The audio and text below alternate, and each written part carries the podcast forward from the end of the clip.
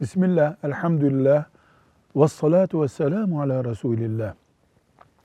Kıyametten önce Müslümanlarla Yahudiler arasında büyük bir savaş olacağı ve bu savaşta taşların, ağaçların bile Müslümanlara yardım edeceği şeklinde bir bilgi dini kaynaklarımızda var mı diye soruluyor. Var.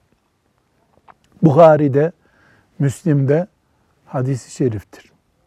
Ve bu Yahudilerle Müslümanlar arasında büyük bir savaşın olacağı, taşların bile Yahudileri adeta kovalayacağı bilgisi birden çok hadisi şerifte vardır. Bu Resulullah sallallahu aleyhi ve sellem Efendimizin mucizevi bilgilerinden birisidir. Biz iman ediyoruz. Onun verdiği her bilginin doğru olduğuna er geç tahakkuk edeceğine iman ediyoruz.